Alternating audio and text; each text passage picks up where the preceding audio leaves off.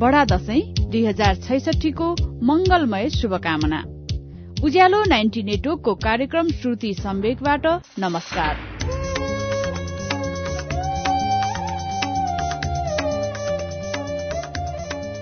उज्यालो ninety नेटवर्कमा हरेक मंगलबार र शुक्रबार राति नौ बजेको नेपाल खबरपछि कार्यक्रम श्रुति सम्वेक प्रसारण हुन्छ। कार्यक्रम श्रुति सम्वेकमा हामी वरिष्ठ साहित्यकारहरूका उत्कृष्ट गद्यहरू वाचन गर्दछौं। श्रुति सम्वेकको शुक्रबारको श्रृंखलामा हामीले विश्वेश्वर प्रसाद कोइरालाको उपन्यास तीन घुम्तीको वाचन गरिरहेका छौं। विश्वेश्वर प्रसाद कोइरालाले उपन्यास तीन घुम्तीमा नारीको यौन मनोविज्ञानलाई खोतलेका छन्। तीन घुम्ती उपन्यासको मुख्य पात्र इन्द्रमायाले जीवनमा लिएका तीन निर्णयहरूले उपन्यास तीन घुम्तीको शीर्षकलाई चरितार्थ गरेको छ। यति मात्र नभएर इन्द्रमायाको जीवनका तीन वय कौमार्य वैवाहिक र मातृ अवस्थालाई पनि उपन्यासमा चित्रण गरिएको छ। तीन घुम्तीको वाचनमा गएको शुक्रबार इन्द्रमाया पतिसँगको प्रेम र रमेशसँगको सम्बन्ध बीचको पार्थक्य खोज्दै थिए पतिको अनुपस्थितिमा रमेशसँग नजिकिँदै गएकी इन्द्रमायाले अब के गर्दिन् त? तीन घुम्तीको चौथो श्रृंखलाको वाचन पृष्ठ उनासाठीदेखि अब सुनौ अच्युत घिमिरेबाट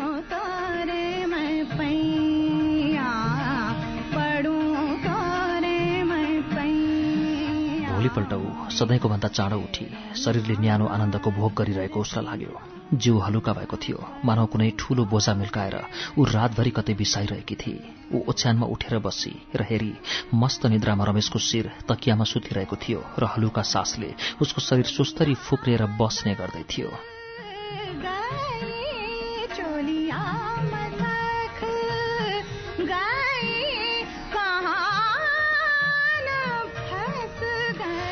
उसको जिउबाट पन्छेको दोलाई राम्ररी ओढाइदिएर ऊ कोठाबाट बाहिर आई। उसको निद्रा धेरै नै चाँडो टुटेछ तर शरीरले पूरा विश्राम पाइसकेको थियो। प्रसन्न भएर धेरै नै चाँडो टुटेछ तर विश्राम पाइरहेको थियो शरीरले। प्रसन्न भएर उसले पूर्वपट्टिको झ्याल उगारी उषाको फिक्का लाली आकाशमा पोतिन लागेको थियो। तल बारीमा उसको दृष्टि पर्यो। बारीका घाँस पात र बोट बिरुवाहरू शीतले भिजेका थिए। बारीको पल्लापट्टि पर्खालको फाटकमा आँखा पुग्यो। उसलाई सम्झना भयो कुनै कति दिन पहिले हो एक दिन साँझतै फाटक उगारेर ऊ यस घरभित्र पसेकी थिए। को थियो त्यस घडी बारीमा उभिएको चकित दृष्टिले इन्द्रमायातिर हेरेको पिताम्बर। पिताम्बरलाई सम्झिन साथ इन्द्रमाया उदास भई अहिले के गरिरहेको होला पिताम्बर जेलमा? आजको रात उसले के गरी बितायो होला? यो उसैको घर हो म उसैकी पत्नी।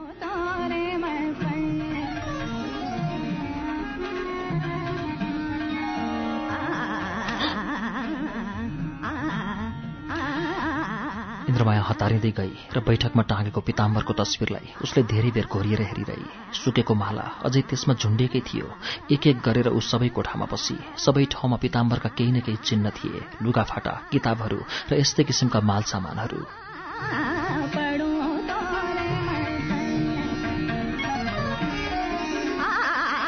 शरीर र मनले आनन्दको स्वाद पाएको अनुभव हुँदाहुँदै पनि एउटा हलुको विषादको चिसो निश्वास उसको कण्ठबाट निस्क्यो। पिताम्बर मेरो म तिमीलाई माया गरि नै रहेकी छु गरि नै रहेकी छु।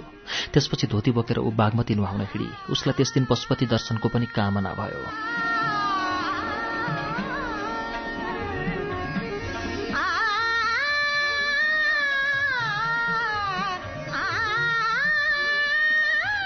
त्यस दिनदेखि पशुपति दर्शन मेरो दैनिक कार्यमा थपियो। सधैँ बिहान झिसमिसैमै उठेर रमेश उठ्नुभन्दा पहिले नै बागमतीमा नुहाई पशुपतिको दर्शन गरेर म घर फर्किन्थेँ।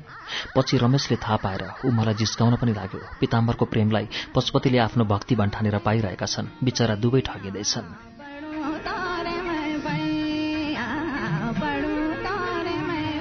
मिठो व्यङ्ग्य थियो यो। म रिसाउन्नथेँ भन्थे रमेश तिमी पनि हिँड न काहीँ दर्शन गर्न। रमेश भन्थ्यो बाबा यो तिम्रो र उनीहरूको बीचमा कुराकानीमा मलाई तान्ने नगर न मलाई नतान म जान्न पशुपति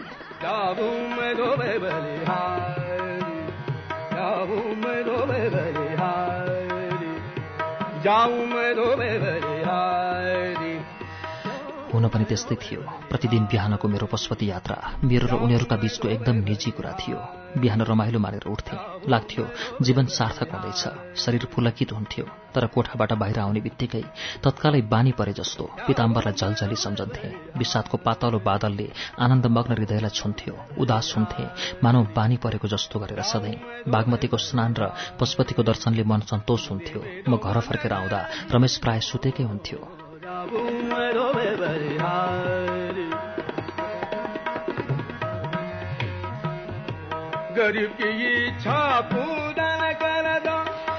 मेरो सबैभन्दा पहिलो काम हुन्थ्यो। अघिनामा बसेर पिताम्बरका लागि त्यस दिनको भोजन तयार पार्नु। अत्यन्त तन्मयताका साथ म त्यो काम गर्थेँ। एकदम भक्तिपूर्ण तन्मयताका साथ। पशुपति दर्शनबाट ल्याएको मनको तन्मयता र भक्ति मात्र त्यस बेलासम्म हरियो नै रहन्थ्यो। म पिताम्बरलाई नित्य नयाँ नयाँ भोजन पकाउँथेँ। आफूहरूलाई नभए पनि उसका लागि मिठा मिठा कुराहरू पाक्थे। खानेकुरा बाहेक अरू पनि केही न केही सामान उसलाई प्राय सधैँ जसो पठाउने गर्न लागे। जबसम्म रमेश ती सामानहरूलाई पिताम्बर कहाँ पुर्याएर फर्कन्न थियो म पिताम्बरकै बारेमा सोचिरहन्थेँ। फर्कने बित्तिकै रमेश नुहाउन जान्थ्यो। तबसम्म हाम्रो भोजन पनि तयार भइसकेको हुन्थ्यो।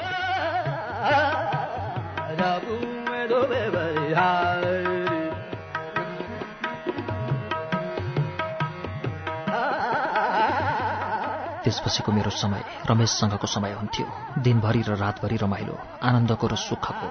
सुख प्रत्येक बिहान बितेका दिनको सुखलाई उदासीले चुक्ता गर्थेँ म र जति जति बढी सुख म पाउँथेँ उति उति विषादको बढी मूल्य तिर्नु पर्थ्यो।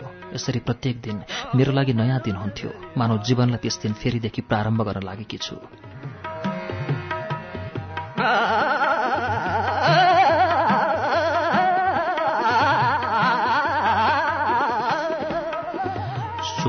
रमेशसँगको निर्वाध रमाइलो सहवासमा मैले सुख पाइन भनेर म कसरी भनौँ? रमेशले मलाई प्रेमको उच्च सिंहासनमा राज गर्न राखिदिएको थियो। ऊ आफू भने एउटा अकिञ्चन याचक प्रेमी। मेरो प्रेमको उदारताले ऊ जे जति पाउँथ्यो त्यसको बदलामा आफ्नो कृतज्ञ प्रेमले ऊ मलाई मनज्ञ पुग्ने गरी तिर्थ्यो यस्तो लाग्थ्यो मानव प्रतिपल ऊ मलाई फकाइरहेको छ। प्रतिपल मानव मलाई नयाँ नयाँ गरेर जितिरहेको छ। मेरा सानातिना इच्छालाई मेरा सानातिना आवश्यकतालाई थाहा पाएर पूरा गर्न पाउँदा उसलाई आफ्नो जीवन सार्थक हुँदैछ भने चाहिँ लाग्थ्यो। यस्तै किसिमको सम्बन्ध मेरो थियो पिताम्बरका प्रति पनि उसलाई प्रेमको सर्वोच्च आसनमा स्थापित गरेर म अकिञ्चन याचिका थिएँ त्यहाँ। त्यहाँ थियो मेरो प्रेमको समर्पणमय अनुभव तर यहाँ निरन्तर मेरा उप समर्पित भइरहेको अनुभव थियो। मानव कुनै देवी भक्तिले चढाएको भोग पाइरहेकी छ। प्रेमिका त्यहाँ भक्ति नै थिए भने त्यहाँ त्यही प्रेमिका देवी भएकी छ। देवीको आसन सन्तोषमय आनन्द दिँदैन भने कसरी भन्ने?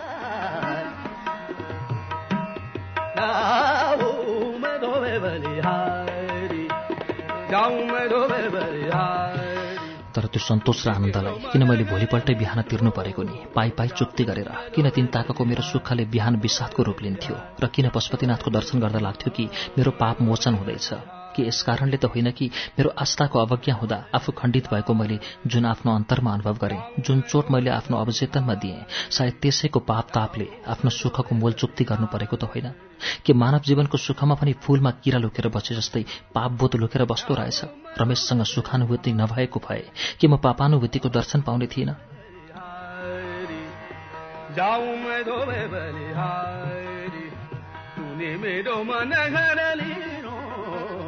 पाप बोध किन?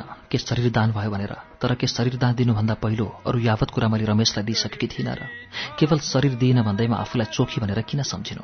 यस्ता कुरा सोच्दा सोच्दै इन्द्रमायालाई लाग्थ्यो कि प्रेममा कायादान पनि अनिवार्यतः निहित छ। ईश्वर भक्तिले पनि यदि प्रेमको भावना लिन्छ भने भक्तको शरीर पनि ईश्वरमा अर्पित भइसकेको हुन्छ। यदि ईश्वरबाट त्यो ग्रहण हुँदैन भने या त ईश्वर र मानवका बीच समागमको असम्भवताले या स्वयं ईश्वरको अनिच्छाले त्यो सहभोग नहुन सकेको हो। भक्तको अनिच्छाले होइन। कृष्णका प्रेमी नारी उपासिकाहरू प्रेममा विभोर भएर आफ्ना शरीरमा सम्भोगका लक्षण देख्छन् रे। शरीरको अस्तित्व नभई प्रेम हुँदैन। त्यसो भए किन दिन प्रतिदिन सुचिताको सन्धान पशुपतिमा? किन पापमोचनको त्यत्रो कामना? किन बिहानभरिको विषाद? किन पिताम्बरको प्रेमलाई सधैँ हृदयमा माचेर टल्किएको पारिराख्ने यत्रो प्रयोजन? किन? किन?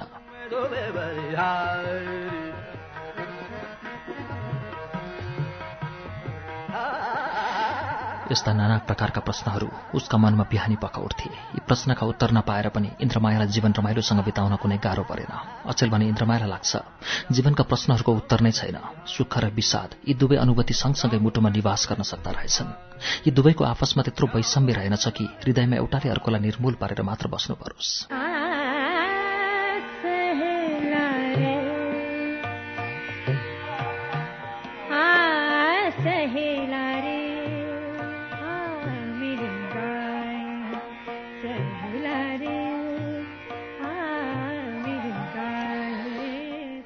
कुरा।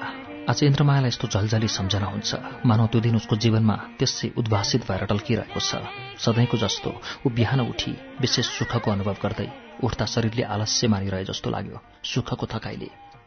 सधैँको जस्तो कोठाबाट बाहिर निस्केर उसले पूर्वको झ्यालो गारी बिहानको मन्द बतासले देह पुलकित भयो।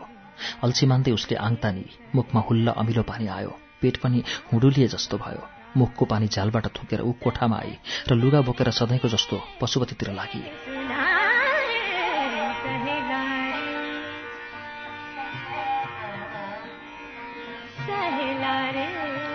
बाटोभरि ऊ त्यसै त्यसै आनन्दमग्न थिए। पिताम्बरलाई सम्झेर उदास पनि हुन्थे तर रहिरही उसको शरीर आनन्दले कम्पित हुन्थ्यो। हावामा आश्विनको शीतलता मिसिएछ भन्ने उसले सोची। उसलाई लाग्यो रमाइलो ऋतु आएछ। चाडबाडको अब लामो ताती लाग्छ।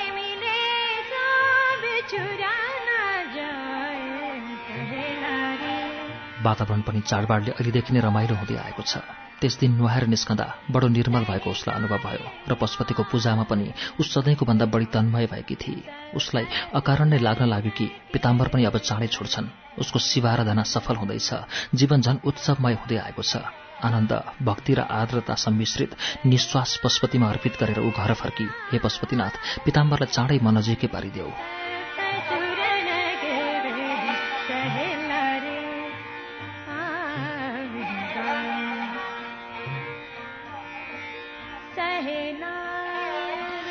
घर आएर उसले बडो आयोजनका साथ पिताम्बरका लागि खानेकुरा पकाई भडारबाट ठूलो किस्ती झिकेर त्यसैमा राम्ररी खानेकुरा सजाई जेलका उसका साथीहरूले पनि हेरुन् भनेर पिताम्बरको घरमा एउटा श्रद्धावती नारी उसलाई पर्खेर बसेकी छ। यी सब देखेर रमेशले भन्यो अरे आज यत्रो के को आयोजना इन्द्रमाया? मानव जेलभित्र कुनै उत्सवका सामान पठाउँदैछौ। उसले भनी आज मन लाग्यो रमेश तैपनि मनलाई सन्तोष हुँदैन। लाग्छ मैले आफ्नो पूरा सेवा उनलाई दिनै सकेकी छैन।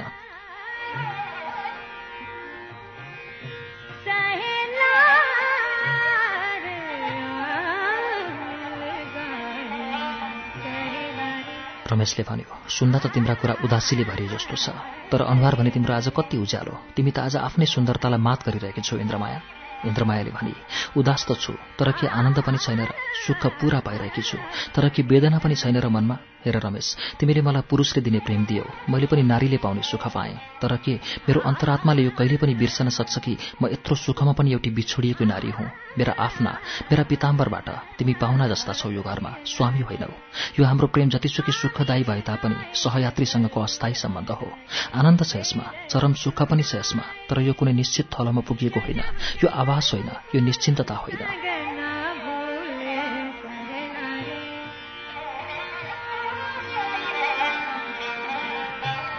रमेशले पनि एकहोरो भनिरह्यो इन्द्रा तिमीले जतिसुकै विषादका कुरा गरे तापनि आज तिमी सुन्दरताले टल्किरहेकी छौ र मैले तिमीलाई चरम सुख दिएँ भन्ने आश्वासन म तिम्रो उज्यालो अनुहारबाट पाउँदैछु। इन्द्रमायाले भने म बराबर भनि रहेकी छु प्रतिपल हृदयले अनुभव पनि गरिरहेकी छु सत्य भनेको रमेश मैले तिमीबाट बडो ठूलो सुख पाएकी छु र मेरो आजको स्थितिमा मेरा स्वामी जब जेलमा छन् यत्रो ठूलो सुख मलाई सह्य हुने थिएन यदि यो अस्थायी हो भन्ने मलाई विश्वास नभएको भए आखिर म दिनरात पर्खेर बसेकी छु पिताम्बर छुट्लान् उनी कहिले यो आफ्नो घरमा आउलान् भनेर।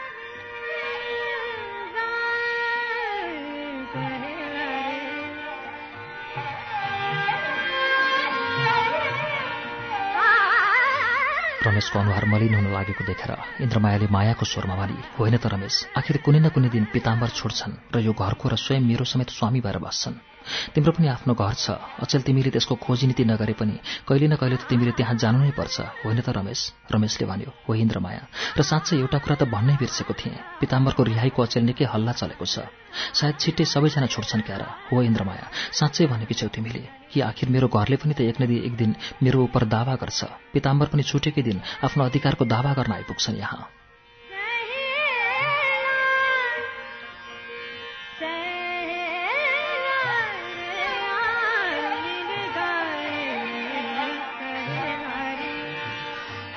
यस्तो उत्तरमा। इन्द्रमायाले भनेकी थिए अधिकारको दावा उनले गर्नु पर्दैन रमेश। उनको आफ्नो कुरो स्वभावतः उनको त छँदैछ नि। उनी जेलमा नै भए पनि तिमीलाई थाहा नै छ नि कि यदि प्रेमीका विभिन्न किसिमका सम्बन्धहरूलाई कक्षामा विभाजित गर्न सकिन्छ भने मेरो र पिताम्बरको सम्बन्धलाई म प्रथम कक्षामा राख्छु। त्यसैले त अघि मैले भनेकी हुँ कि तिमीबाट पाइरहेको यत्रो सुख यत्रो आनन्द यत्रो नारीत्वको सार्थकता हो रमेश। नारीत्वको सार्थकता पनि मलाई सह्य भइरहेको छ विरहको वेदनाले। र यो विश्वासले कि मेरो वर्तमान सुख अन्त्यमा अस्थायी छ भनेर।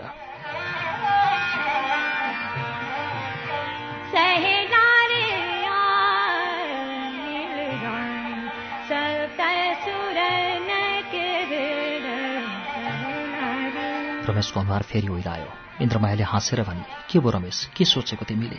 उसले गम्भीर मुद्रामै तर व्यङ्ग्यको वाक्यमा भन्यो तिम्रो सुख यदि वेदनाले सह्य पारेको छ भने सुन मेरो सुख पनि सह्य भइरहेको छ पुनः पुनः पाइरहेको सुखले इन्द्रमायाले हाँसेर भनी त्यसो भए मेरो पनि त्यस्तै छ सुख नसिद्धिएकोले सह्य हुँदै गइरहेको छ।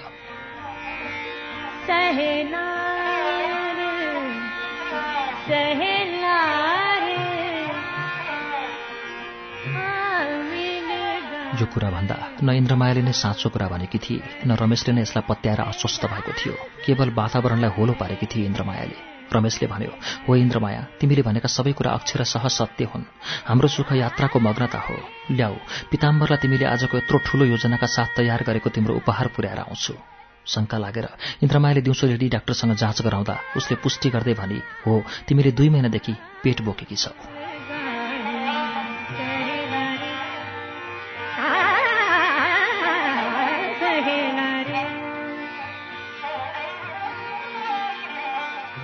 हामी अहिले उज्यालो नाइन्टी नेटवर्कको कार्यक्रम श्रुति सम्वेगमा विश्वेश्वर प्रसाद कोइरालाको उपन्यास तीन घुम्ती सुनिरहेका छौं। यसको बाँकी अंश केही बेरपछि उज्यालो सुन्दै गर्नुहोला।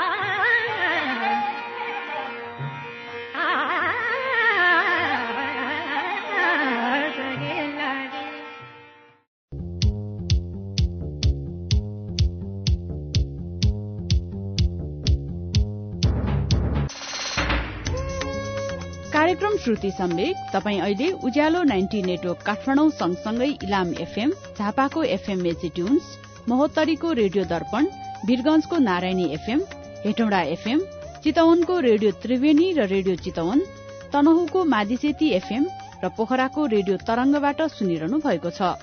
यस्तै दाङको रेडियो मध्यपश्चिम रेडियो प्युठान सल्यानको रेडियो राप्ती फलेवासमा अवस्थित रेडियो पर्वत सुर्खेतको रेडियो भेरी र जुम्लाको रेडियो कर्णालीबाट पनि कार्यक्रम श्रुति सम्वेक अहिले प्रसारण भइरहेको छ।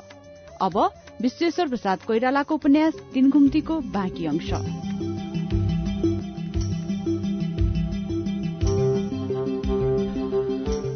तृतीय प्रहरको अल्छी लाग्दो समय आफ्नो उमेर पनि दिन जस्तै ढल्न लागेको। स्मृतिको प्रवाहमा इन्द्रमायाले आफूलाई खुकुलो पारेर छाडिदिएकी थिए।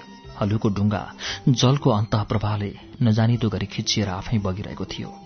सम्झनाले सदैव केही न केही विषादको पातलो छाया पनि सायद लिएर आउँछ। सुख स्मृतिमा पनि केही न केही विषादको छाया रहेकै हुन्छ क्यार सुखको स्मृति वेदना रहित त हुन्छ तर त्यसमा पनि विषादको छाया परेकै हुन्छ। उदासीले भरिएका केही क्षण।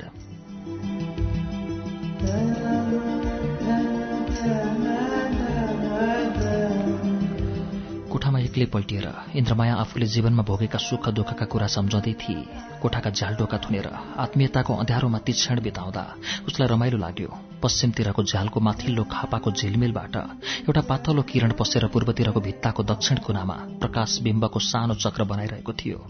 त्यसैले कोठाको अन्धकारलाई किञ्चित पगालेको हुँदा कोठाको वातावरण घनिष्ठतिर हुँदै गएको थियो। त्यो वातावरणले रसाउँदै ल्याएको स्मृतिको स्पर्शमा आलिङ्गनको आत्मीयता भए चाहिँ इन्द्रमायालाई लाग्यो। कोठा बाहिरको जगतबाट आएका ध्वनि तृतीय पहरमा यसै पनि कोमल सुनिन्छन्।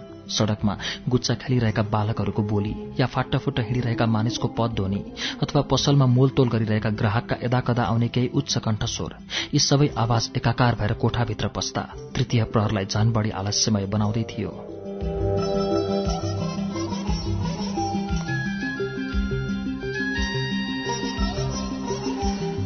बाहिरी दुनियाँको यस्तो अल्छी लाग्दो ध्वनिका साथै तल बैठकको ढोका उग्रिएको आवाज पनि त्यसैमा मिसिएको इन्द्रमायाले सुने र साथसाथै नारी कण्ठबाट निश्चिन्त प्रसन्नताका साथ निस्केको चहकिलो ठास समय बोली पनि उसको कानमा पर्यो। एउटी घरभित्र पस्ता पस्ती भनिरहेकी थिए साथी यो आज मलाई फुर्सद छैन एकदम छैन। आफ्नी छोरीको बोली चिनेर इन्द्रमायाले झल्यास भएर सम्झी आज उसले आफ्नो युवक मित्रलाई मसँग भेटाउने भएकी छ। बिहानै भात खाइसकेपछि मलाई भनेर बाहिर गएकी थिए। आज साँझ उसलाई ल्याउँछु आमा। उसका साथीहरूको आग्रह थियो। रमा आजलाई भन्न पाइन्न। गौरीले सबैलाई सिनेमा लग्ने निम्ता दिएकी छ। रमा हाँसेर भनिरहेकी थिए नाइ साथी हो आज मेरो युवक मित्रलाई आमासँग परिचय गराउनु छ। सबै साथीहरूले हाँसेको इन्द्रमायाले सुनि। रमा पनि प्रसन्न भएर हाँसेकी थिए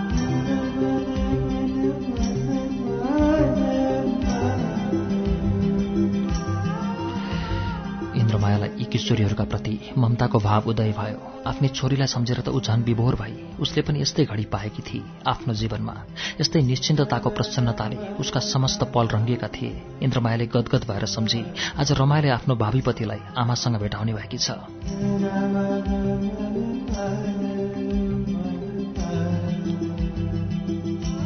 रमा कत्री भई मनमा नै हिसाब गुनी इन्द्रमायाले भर्खर उन्नाइस सकेर बिसमा हिँड्दैछ ठिक बीस वर्ष पहिले जब पति झ्यालखानमा थिए रमा इन्द्रमायाको गर्भमा पसेकी थिए केवल यति एउटा क्षुद्र कारणले कि रमाको बा रमाको आमाको पति होइन ऊ दुनियाँबाट अवाञ्छित भएर केवल आमाको एकहोरो ममत्वका आश्रयमा यत्री भएकी थिए कति भुक्तान बेहोरेर इन्द्रमायाले यसलाई हुर्काएकी थिए।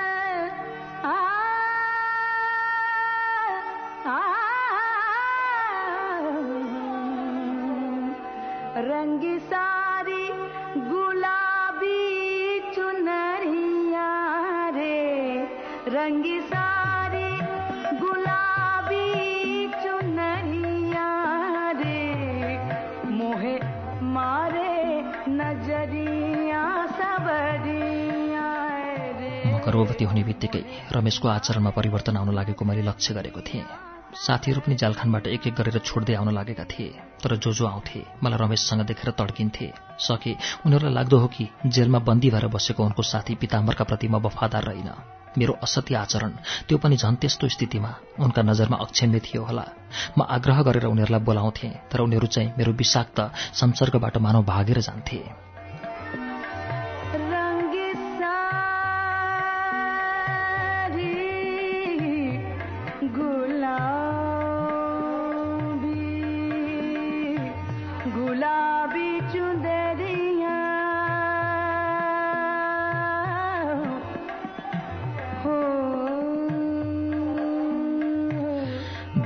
बढ्दै जाने मेरो गर्वको स्थूलताले म हिडुल गर्न सक्दिन थिएँ। कोठामै बसिरहन्थेँ। बसी बसी हातले बुन्ने पोर्ने काम गरिरहे तापनि मेरो मन उदास रहन्थ्यो र म पिताम्बरलाई सम्झिरहन्थेँ। पछि पछि पशुपतिको दर्शन गर्न पनि जान नसक्ने हुँदै गए। मेरो चिन्तनको एकाग्रता पिताम्बरका प्रति बढ्दै गयो।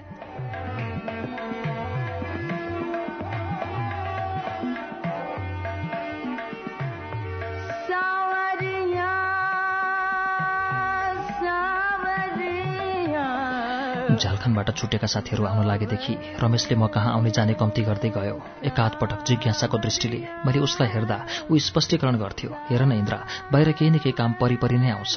मैले आफ्नो घर पनि त चटक्क बिर्सिन भएन नि होइन? म पनि स्वीकार गर्थेँ हो अनि रमेश भन्थ्यो साथीहरू पनि हेर न कत्रा ठुल्ठुला आँखाले हेर्छन् मलाई मन नै पराउँदैनन् उनीहरू।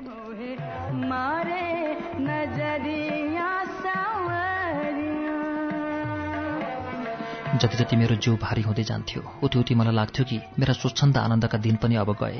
एउटा जिम्मेवारी थपियो मेरा उप एउटा भार। तर यसका साथै गर्भधारण गरेदेखि एउटा अनौठो एउटा नूतन विस्मयपूर्ण आनन्दको अनुभव हुन लाग्यो मलाई। जुन बेला डाक्टरनीले म गर्भवती भएकी हुँ भन्ने कुरा बताए आनन्द र विषादले एकैचोटि आक्रान्त भएर मैले कराएकी थिएँ। हो र सम्भव छ र? डाक्टरनीले भनेकी थिए किन सम्भव छैन? तिम्रो स्वास्थ्य यति राम्रो छ शरीरमा कहीँ केही खोट छैन।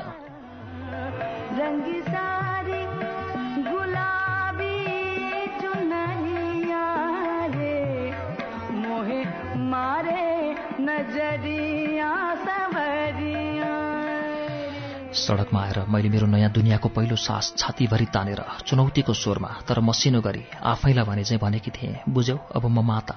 र उत्निखेरै मैले सम्झेँ अग्लो पर्खालभित्र एक्लो समय बिताइरहेको पिताम्बरलाई। लाग्यो यो गर्व उसको पो थियो थियो। अर्काको बाली बोकेको धरती तैपनि हरि रमाइली भएकी थिए।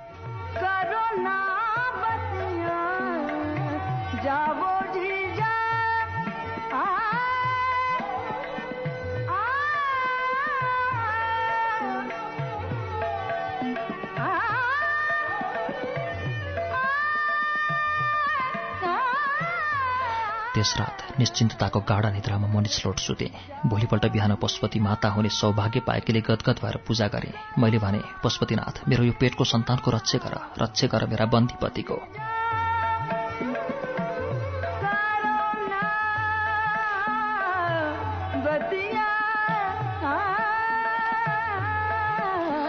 जसै जसै समय बित्दै जाँदै थियो जिउ भारी हुँदै जान लाग्यो र शरीर चाहिँ शिथिल र जाँगर नभएको।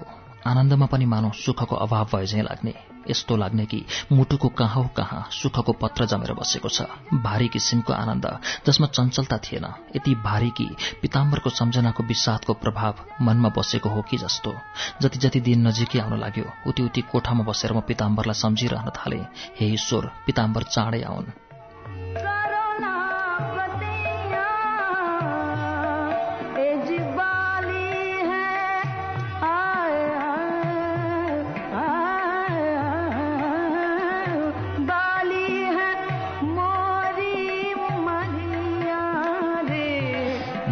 पेटको सन्तान त एउटै शरीर थियौं तर पिताम्बरलाई एकाग्र भएर सोच्दा ऊ पनि कता कता मेरो मनमा हामीसँगै गाभिएको हुन्थ्यो। घरमा हामी तीनजनाको गृहस्थी जम्न गएको छ।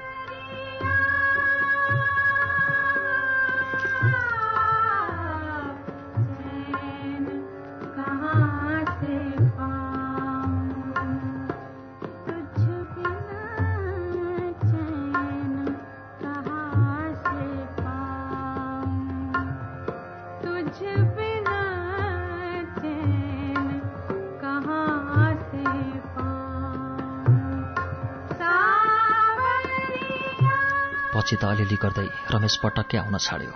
पसलले बुढीको एउटी नातिनीलाई मेरो स्याहारको लागि बाहिर बाहिर नियुक्त गरी उसैको मार्फत मलाई चाहिने रुपैयाँ पैसाको व्यवस्था गरेर ऊ मेरो जीवनबाट बिस्तारै बिस्तारै बिलाउँदै गयो। यसमा मलाई उसले कुनै अन्याय गरेको लागेन किनभने यो घर उसको थिएन कि ऊ सदा यहाँ मेरै भएर बस्न सकोस्। र अर्को कुरा के भने म स्वयं माता हुने आशामा पिताम्बरका प्रति झन बढी अनुरागिनी हुँदै गएकी थिएँ। र मलाई लाग्न लागेको थियो कि यस घरका निम्ति अब रमेश अनावश्यक हुँदै गएको छ।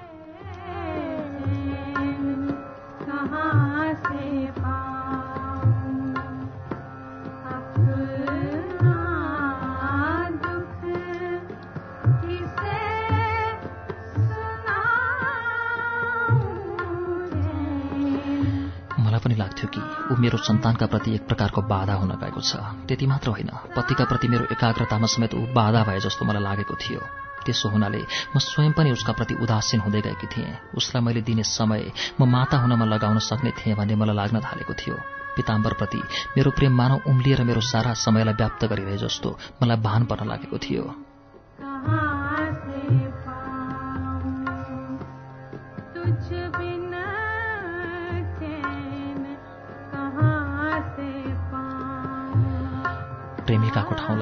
माताले ओगट्न लागेकी थिए। त्यसैले होला मलाई पतिको बढ्ता खाँचो हुन लागेको थियो। पिताम्बरलाई प्रेम त म पहिले पनि एकनिष्ठै भएर गर्थेँ तर अब जुन प्रेमको मलाई अनुभव भइरहेको थियो त्यो पति प्रेममा सन्तानको पिताको समेत खोजी हुन गएकोले त्यो प्रेम अनौठो शक्ति सम्पन्न थियो। भारी जिउ लिएर एक्लै कोठामा बसेकी म भन्थेँ पिताम्बर मेरो चाँडो आऊ।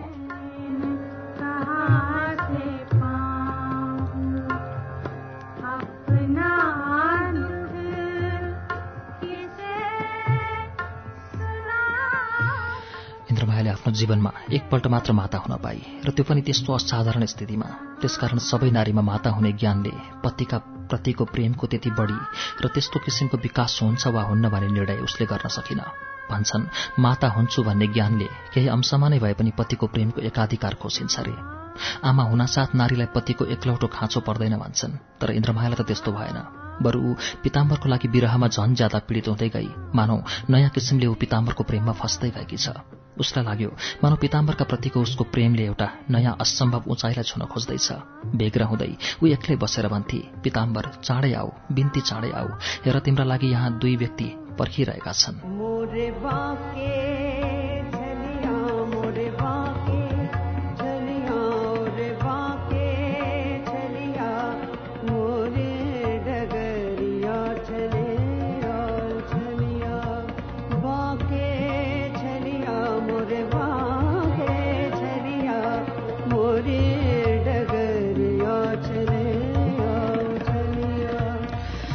एक दिन पिताम्बर आए पनि तर कस्तो अवस्थाको घडीमा उनी छुटेर घर पुगेकी म उनको स्वागतका निम्ति ढोकामा उभिरहेकी हुन पाइन। बिहानैदेखि वेदनाले छटपटाउन लागेकी थिएँ। पसले बुढीकी नातिनीले यसको सूचना रमेश कहाँ सुटुक्क दिइछ भने जस्तो मलाई लाग्छ।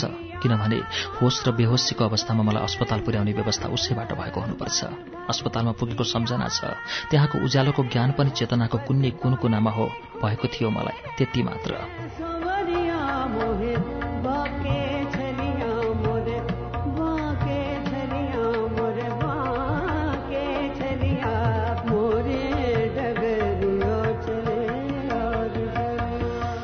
त्यसपछि वेदनाको एक भीषण लहरले अस्तित्वको कुनै कुन अतलबाट उर्लिँदै ढाकेर मलाई चेतना शून्यताको अन्धकारमा हुर्याइदिएको थियो। एकपछि अर्को र अर्कोपछि झन अर्को लहरले मलाई निसासिने गरी छोप्न लाग्यो। लाग्थ्यो मानव सास लिनै नपाई म वेदनाको अथाहमा डुबेर मर्न लागेकी छु। झन झन उग्रतर हुँदै जाने लहरले छोप्दैछ मलाई। चेतनाको मिरमिरे प्रकाश अर्धनिमेषको लागि हो कि होइन जस्तो गरी देखे चाहिँ लाग्छ।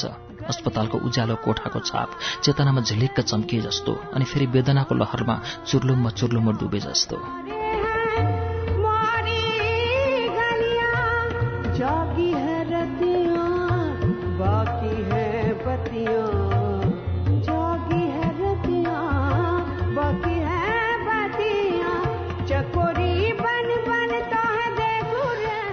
मूर्छाको एक युगपछि जब म होसमा आएँ शरीर एकदम हलुका भएको थियो। केवल तल्लो भागमा एउटा सानो मिठो पीडा तर मन एकदम चङ्गा मानव म आकाशमा तरिरहेकी छु। अस्पतालको नरम ओछ्यानमा सुखको अत्यन्त मिठो कुतकुती लागेर म निद्रामा भाँसिँदै पनि जाँदै थिएँ। लाग्थ्यो।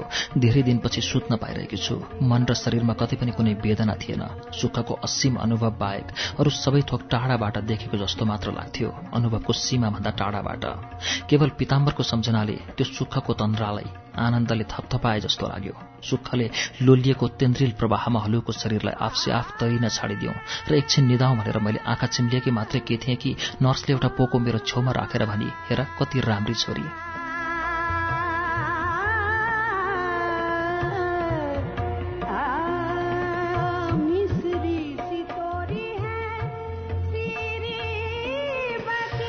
हठात मलाई चेतना भयो। यसो हेर्छु त रातो मुजै मुजा परेको एउटा मांसपिण्ड। आनन्दले लट्ठिएर फेरि म सुखको तन्त्रमा डुब्नै लागेकी थिएँ कि पसरी बुढीकी नातिनीको स्वर कानमा पर्यो। पिताम्बर बाजे पनि घर आउनुभयो।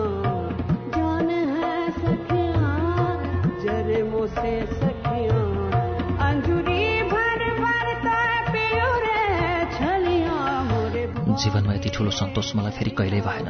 पलङको छेउमा सेतो थाङ्नामा बेरिएको मानव आकृतिधारी जीवित मांसको सानो पुतली मेरो आफ्नै सन्तान सँगसँगै सुतेकी म आमा इन्द्रमाया। पति पनि धेरै दिनको कारावास बिताएर आजै घर आएका छन्। योभन्दा सन्तोष अरू के हुन सक्छ र जीवनमा? मानव जीवनलाई ईश्वरले दिने वरदान यही त हो नि। अपरिमित सुख र सन्तोषको चकमन्न निर्द्वन्द्वतामा सोच्दा सोच्दै म भुसुक्क निधाएछु।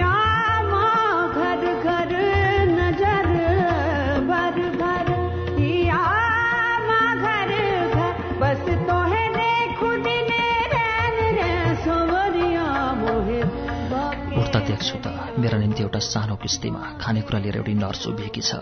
बिहानको सूर्यको कलिलो किरणले मेरो कोठा उज्यालो पारेको थियो। मेरो छेउको थाङ्नोमा सानो हलचल पनि भइरहेको थियो। नर्सले खिस्सा हाँसेर भने सुप्रभात। मैले भने नर्स जीवन बडो रमाइलो छ। बडो सुखदायी छ होइन? उसले भने अब भोजन गर्नुहोस्। शरीरले तागत पाउनुपर्छ। मैले भने अब म घर जान चाहन्छु। नर्सले भने पर्सिसम्म जान सक्नुहोला। डाक्टरसँग सोध्नुपर्छ। तपाईँलाई थाहा नै छ यत्रो कष्टबाट तपाईँ उम्किनु भयो यसपालि। अनि फेरि मुस्कुराएर उसले भने छोरीले निकै दुःख दिए आउने दिन। तर कति राम्रो छ नि हगि त्यो छोरी?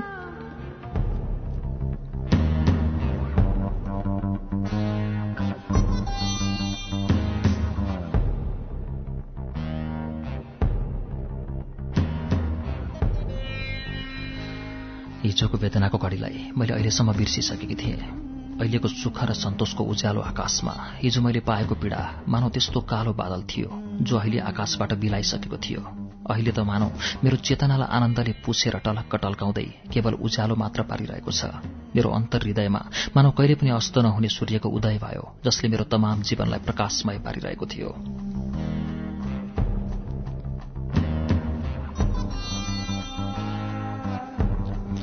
मलाई केवल एउटै कुराको चाहना थियो चाँडै घर फर्कौं। मेरो जीवनको यतिका दिनदेखि छुट्टै प्रवाहित भएको भङ्गालो सकेसम्म चाँडै मूल स्रोतमा मिसिन पुगोस्। पिताम्बरको जीवनको मूल स्रोतमा अर्को एउटा काखको सानो जीवनधारालाई पनि सम्मिलित गर्दै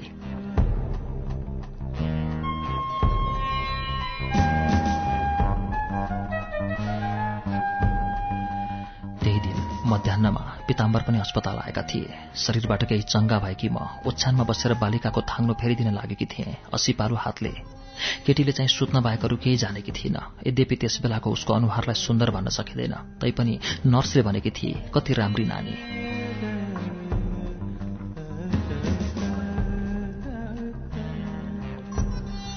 राम्रो नराम्रोको विवेचना भन्दा बढ्ता। त्यस समय बालिकालाई बार बार हेर्दा मलाई केवल एउटै भावना हुन्थ्यो पूर्ण परितृप्तिको सन्तोषको र आफ्नो सार्थकताको।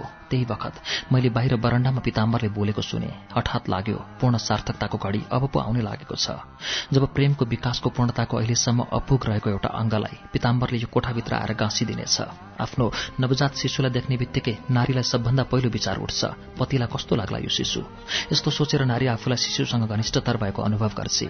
दुनियाँको बारे उसलाई अरू कुनै चिन्ता रहँदैन केवल यति मात्रै सोध्छे ऊ आफ्नो मनमा कि कस्तो विचार उठ्ला पतिलाई ऊ के भन्ठान्ला शिशुलाई देखेर र सुन्दर असुन्दर कस्तो लाग्ला उसलाई यो शिशु त्यसकारण सन्तान जन्मने बित्तिकै जब माताको ध्यान सन्तानभन्दा बाहिरको दुनियाँतिर जान्छ अनि ऊ सबभन्दा पहिले आफ्नो पतिलाई सम्झेर सङ्कोच मान्न थाल्छे त्यस्तो सङ्कोच जस्तो सुहागरातमा पतिका साथ उसलाई हुन्छ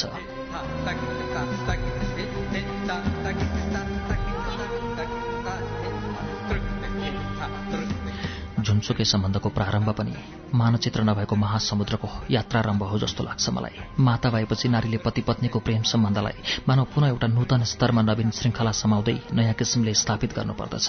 सबभन्दा पहिले त उसलाई आफ्नो सबभन्दा प्रिय प्राप्ति आफ्नो सबभन्दा ठूलो रचनाको परिचय गराउनुपर्छ। त्यो पतिसँग जुन पति स्वयं पनि नारीको लागि आफ्नो परमप्रिय प्राप्ति भई आजसम्म आइरहेकै थियो। सङ्कोचले नुहेका लज्जालु आँखा नउठाएरै ऊ सोच्न लाग्छ कि पति कोठामा उभिएर सम्बन्धको यो नयाँ सृष्टिलाई गम्नेछ। एक निमेषलाई नै भए पनि ऊ पृथक भएर माता र शिशुलाई सके आलोचकको दृष्टिले हेर्ला। त्यसैले मातामा हठात सन्तानका प्रति झन बढी घनिष्ठ ममताको सृष्टि हुन जान्छ। त्यसैले माता सन्तानका सम्बन्धमा पक्षपाती हुन्छ। आजको श्रुति सम्वेगमा हामीले विश्वेश्वर प्रसाद कोइरालाको उपन्यास तीन घुम्तीको चौथो श्रृंखला सुन्यौं। पृष्ठ बहत्तरमा ल्याएर आजको वाचनलाई रोकेका छौं। अगाडि के होला त? आउने शुक्रबार तीन घुम्तीको अन्तिम श्रृंखला सुन्न नबिर्सनुहोला। यो सँगै आजको लागि श्रुति सम्वेकको समय सकिएको छ। उपन्यास तीन घुम्ती तपाईँलाई कस्तो लाग्दैछ? हामीलाई प्रतिक्रिया पठाउनको लागि ठेगाना हो कार्यक्रम श्रुति सम्वेक पोस्टबक्स नम्बर छ चार छ नौ काठमाडौँ। यदि तपाईँ इमेलबाट आफ्नो प्रतिक्रिया दिन चाहनुहुन्छ भने हाम्रो ठेगाना हो एसएचआरयुटीआई एट